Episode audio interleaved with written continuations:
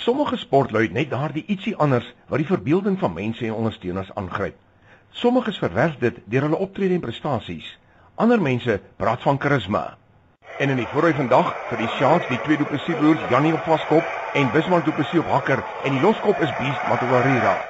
Elton Jansie soort askop rigting oorkant van die veld, tot net buite die kwartgebied van die Sharks. Dis Anton Breslin wat hang vir die bal. Hy staan halfpad agter oor Bolle Makisi oor die kop van Bies en is Bies tot hou vir al wat hy werd is. Hy kom tot Breslin se redding en met brute krag verhoed hy dat Breslin aarde toe tuimel.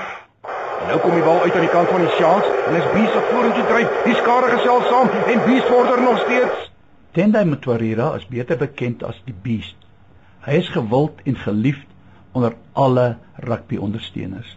Met al sy talent, vernuf, krag en vermoë is Beast boonop 'n wedergebore kind van die Here.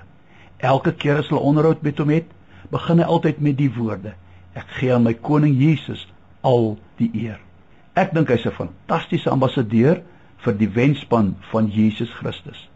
Tydens 'n oefening vir die 2012 Super 15 kompetisie breek hy sy enkel en hy's uit vir 3 maande. Wat 'n teleurstelling. Ek wonder hoe se ons reageer het. In 'n onderhoud sê Beast, hy het besef alles gebeur met 'n rede. Hy het huis toe gegaan, op sy knieë gesak, vir die Here gevra, "Wat wil U hê moet ek in my aftyd doen?" Hy sê verder, hy seker hy sal terugkom as 'n beter speler en 'n beter persoon. Het jy onlangs 'n enkel gebreek, 'n terugslag beleef, verlies gely? Jou planne het in duie gestort. Dinge het nie uitgewerk soos jy dit beplan het nie.